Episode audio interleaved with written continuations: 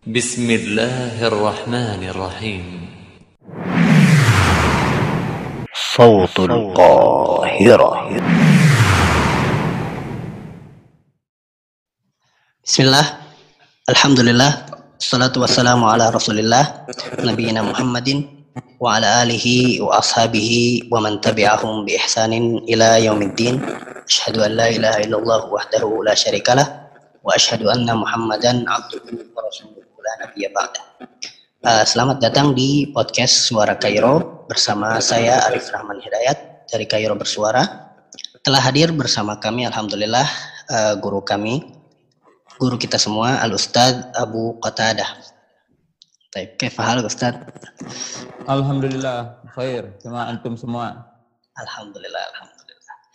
Nah, ke, insya Allah kita akan sedikit berbincang seputar uh, dunia dakwah bersama Ustadz Abu Qatadah sedikit sharing dan menjawab beberapa masalah-masalah dalam uh, dunia dakwah terutama bagi para dai millennials atau dai muda gitu bisa dibilang.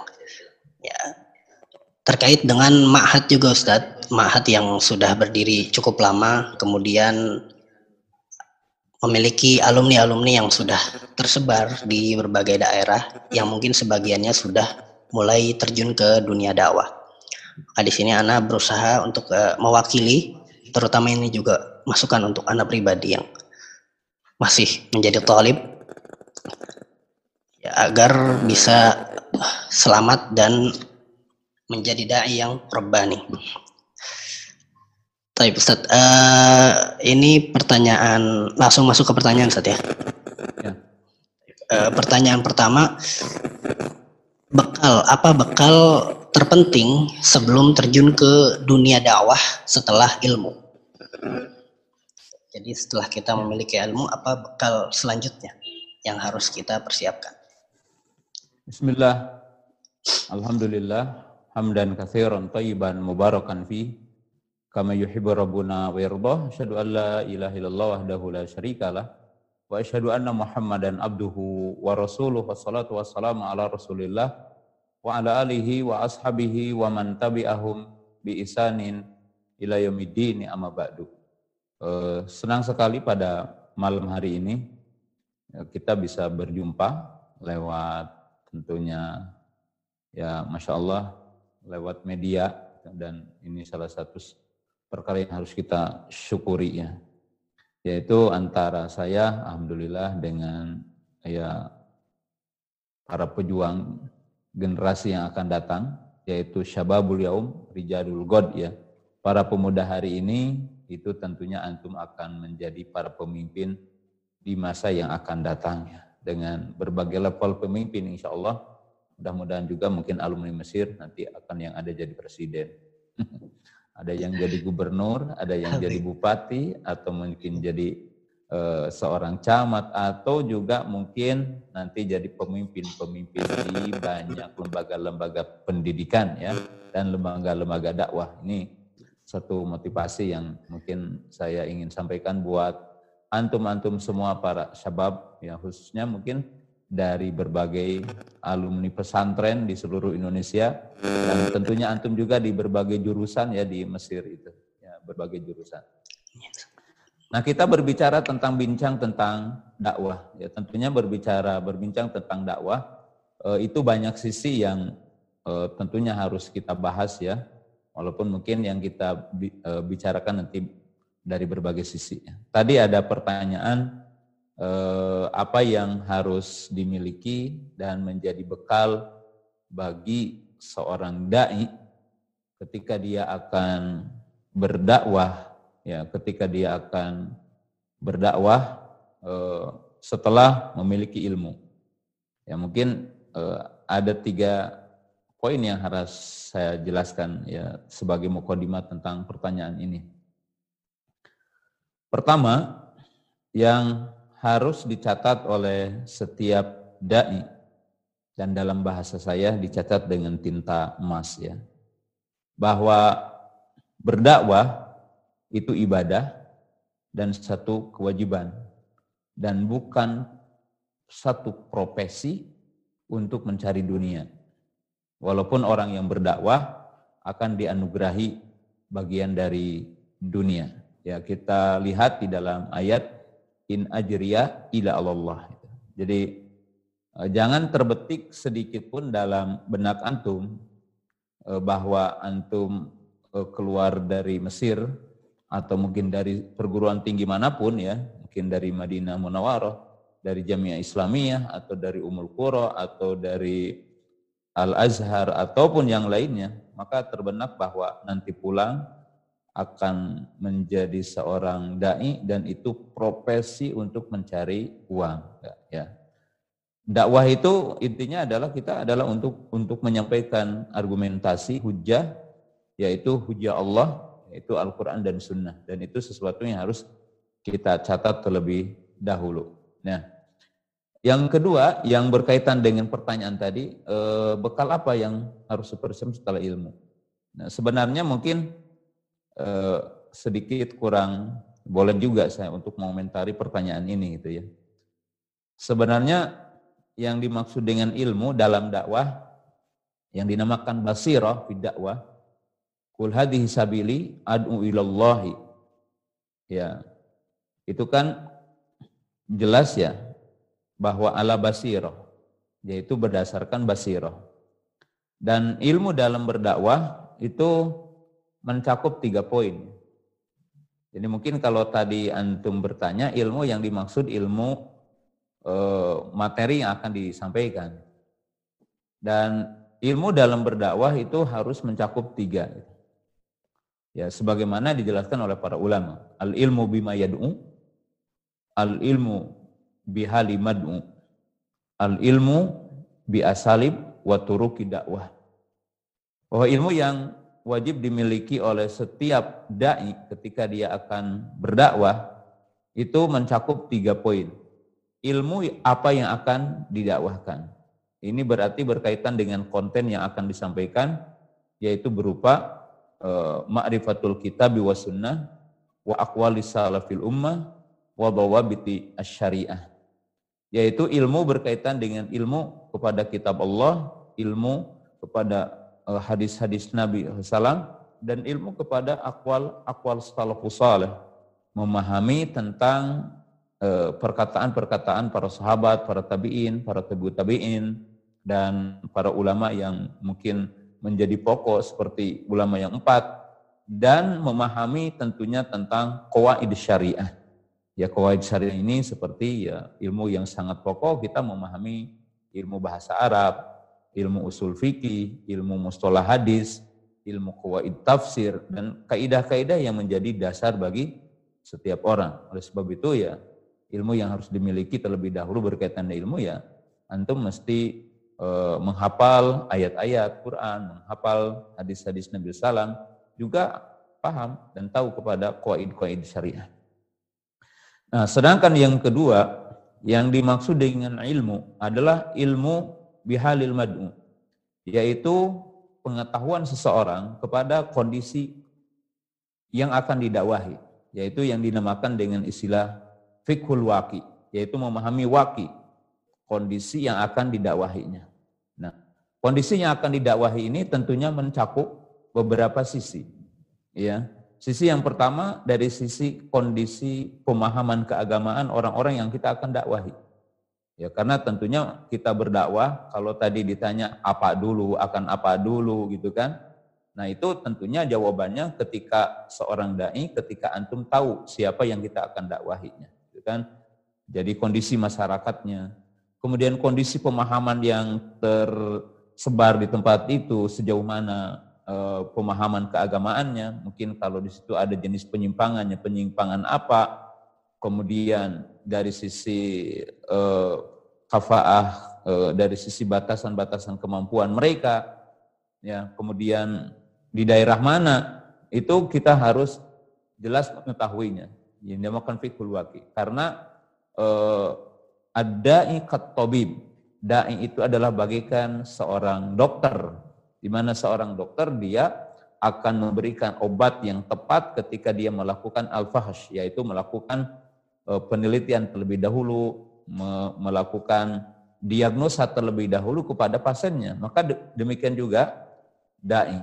Karena tentunya nanti dakwah ini dengan lemah lembut, kemudian dakwah ini mungkin terkadang dengan syiddah, itu tergantung kondisi-kondisi apa orang-orang yang kita dakwainya, tempat yang kita akan dakwahinya.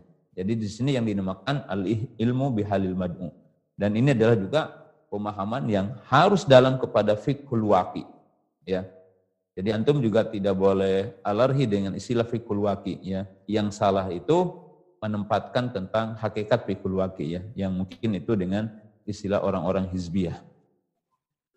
Sedangkan poin yang ketiga yang dimaksud dengan ilmu adalah ilmu biasali buat turuk dakwah, yaitu ilmu terhadap metode dan wasilah-wasilah untuk berdakwah kita kepada Allah Subhanahu wa taala. Nah, dari metode ini tentunya metode ada metode yang mungkin itu sebagai penjelasan secara global di dalam Al-Qur'an seperti Al-Qur'an mungkin menggambarkan dengan beberapa tahap yang dinamakan usul berdakwah yaitu yang dinamakan eh, apa udmu ila sabili robika bil hikmah gitu kan kemudian wal idotil hasanah itu tahapan yang kedua wajadil hum bilatih ya ahsan ya kemudian yang keempatnya adalah bil kuwah, yakni bisaifi wasinan. Walaupun tidak dicantumkan sekaligus dalam ayat itu. Jadi berdakwah ini uslub yang disebutkan di dalam Al-Qur'an pertama dengan hikmah. Ya. Ya, digambarkan di situ kalau kondisi orang itu condong kepada kebenaran, kemudian menyenangi hak, tapi dia mungkin salah gitu kan, maka diseru dengan hikmah. Sedangkan yang kedua Eh, orang yang mungkin agak sedikit condong kepada maksiat, ya banyak melakukan maksiat, maka harus diberikan ma'ilbah yang dinamakan ya dibawakan ayat-ayat tentang apa eh, tentang ukubah, ayat-ayat tentang ancaman.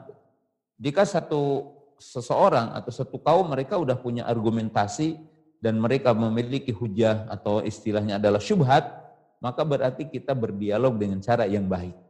Nah, kalau satu kaum ini memiliki kekuatan mungkin ya, dan itu tidak mesti dilakukan oleh kita. Tapi ini tahapannya. Ya, penyimpangan yang mereka memiliki senjata, maka berarti di sini amar ma'rufnya oleh amir yaitu diperangi gitu ya.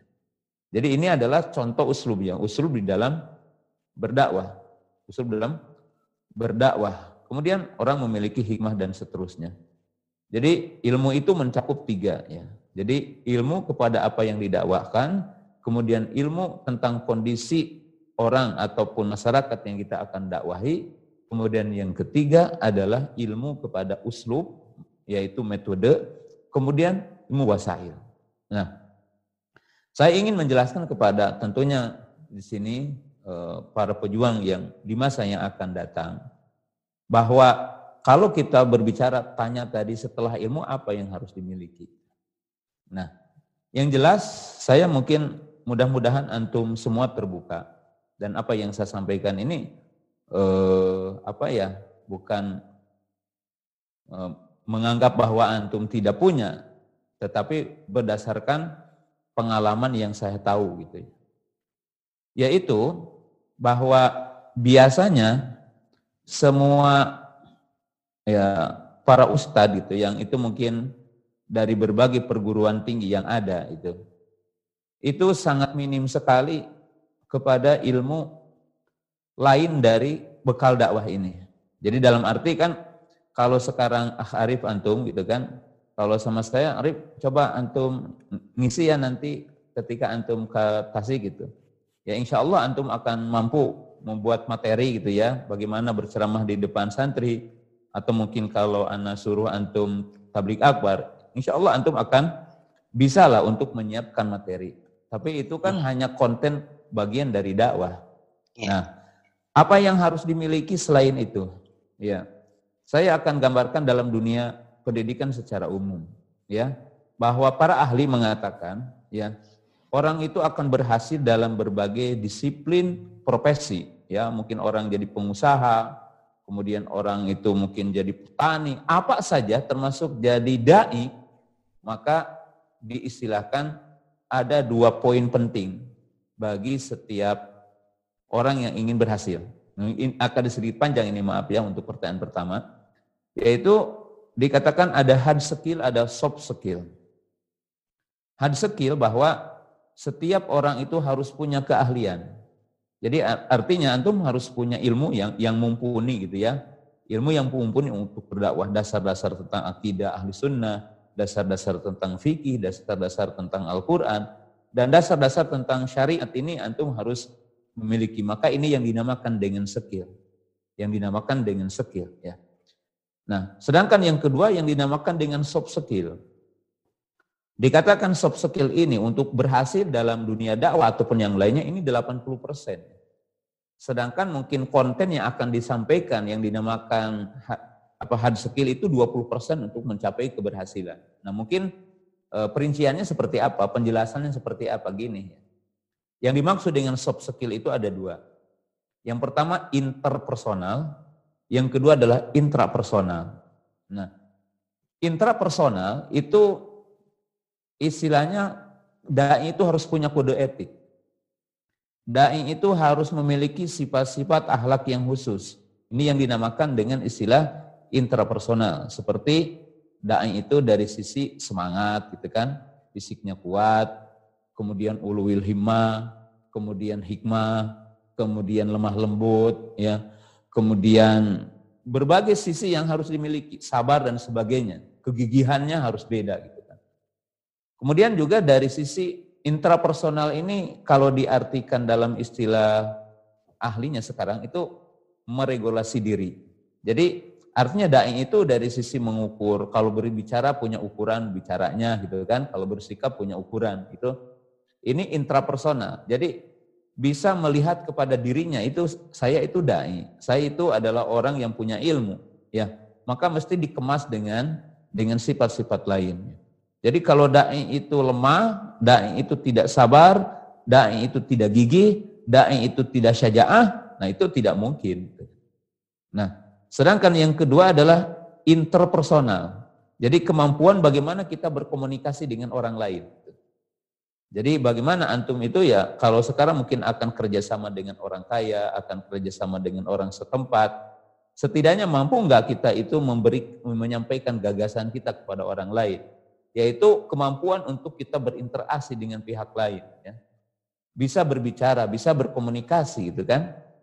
Karena ini adalah sesuatu yang sangat penting. Jadi sesuatu yang sangat penting dalam dunia dakwah gitu. Jadi dalam dunia dakwah. Jadi artinya gini secara sederhana itu kan kalau kita aja dengan istri, bagaimana kita itu melarang istri, bagaimana menyuruh istri, itu kan diawali dengan cara kita bicara kan itu. Nah sekarang seorang da'i gitu kan, segudang apa pun ilmu yang dimilikinya, setinggi apa pun gelar yang dimilikinya, mungkin dok, doktor gitu ya, keluaran dari Al-Azhar, doktor fikih, doktor hadis, doktor akidah. Nah ini kan konten ilmu gitu kan. Nah sedangkan ada kita akan menyampaikan ilmu ke pihak lain gitu kan, ke pihak lain. Maka harus disertai dengan dua soft skill tadi. Ya, yang pertama dari sisi kita regulasi pribadi.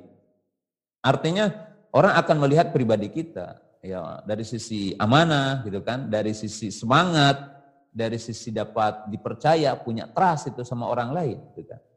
Nah, sisi yang kedua adalah yang dinamakan interpersonal. Bagaimana kita menyampaikan ilmu ini gitu kan? Kalau saya gambarkan kan komunikasi ya, digambarkan itu ya akhlak mulia tadi gitu kan. Nah, ini sesuatu yang harus dimiliki oleh antum gitu. Jadi ini lebih penting gitu kan dari yang tadi. Nah, sisi lain apa sih keilmuan yang harus dimiliki? Ya. Antum juga harus memahami istilah leadership dan followership. Karena antum akan hidup ima dipimpin atau memimpin. Ima antum punya bawahan dan punya atasan gitu. Jadi tidak mungkin antum akan berhasil di dunia dakwah tanpa interaksi dengan orang lain. Nah, yang dinamakan leadership, ya dai tentunya seorang pemimpin harus ada kemampuan kita memimpin, ya memimpin. Mungkin kita nanti ya disuruh jadi kepala sekolah atau jadi mudir atau jadi pengurus masjid